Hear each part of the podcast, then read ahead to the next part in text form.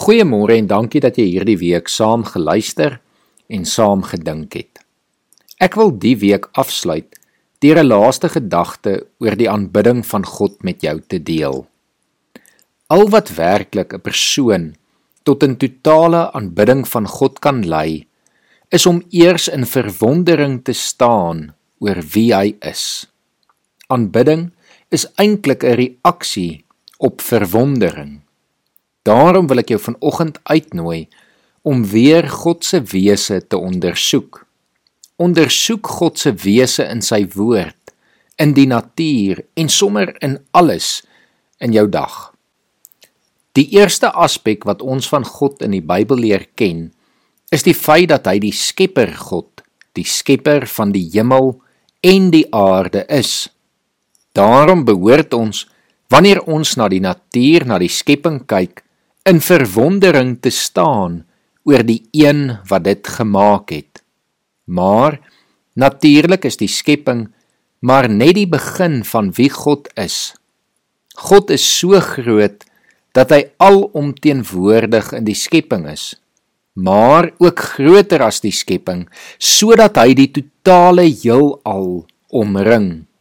God is die almagtige, die soewereine, die een wat nie net geskep het nie, maar ook uiteindelik totale beheer het oor die skepping en enige tyd enige iets kan doen. Die Bybel beskryf vir ons nog soveel eienskappe van God, 'n stelling wat amper as die oudste belydenis oor God dien en ons gereeld in die Bybel raak lees, sê God is 'n genadige en 'n barmhartige God, lankmoedig, vol liefde en trou. God se wese en eienskappe is so goed dat ons woorde dit nooit sal kan vasvang nie. Ons sien God se goedheid word deur soveel mense deur soveel tye en eeue beskryf en bely en vertel en tog sal ons nooit eers gesamentlik klaar kan wees om God se goedheid te beskryf nie. Ons weet God die God van liefde wat ons so liefgehad het dat hy sy enigste seun gestuur het sodat ons kan lewe is dus die enigste wese wat ons eer en heerlikheid en lof en aanbidding waardig is. Dit is God wat vir ons ware liefde kom wys het. Ware liefde sê die Bybel vir ons is juis die liefde wat God vir ons bewys het deur in ons plek aan die kruis te sterf. God is dus nie 'n God wat ver weg staan en nie by ons betrokke is nie. God is by ons, in ons, vir ons. Wie kan dan ooit teen ons wees?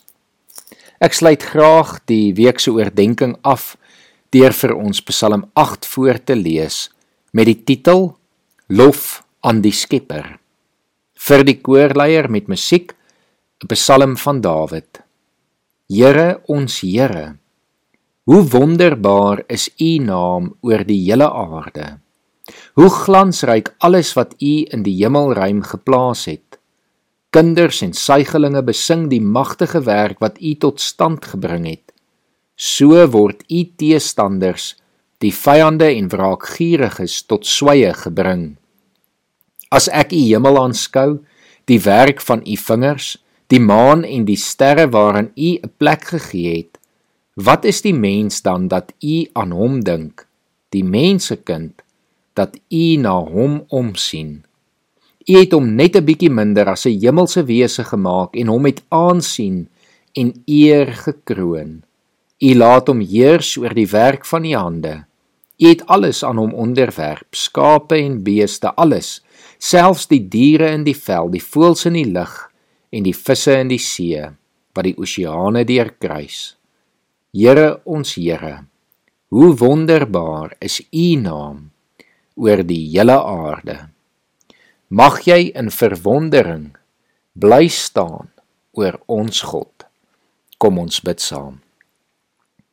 Here, dankie dat ons vandag weer bewus kan word van wie U is die almagtige liefdevolle genadige en barmhartige God ons Vader Here wat alles geskep het, wat ons gemaak het, wat ons gered het, Here, sodat ons vir ewigheid in U heilige teenwoordigheid kan leef.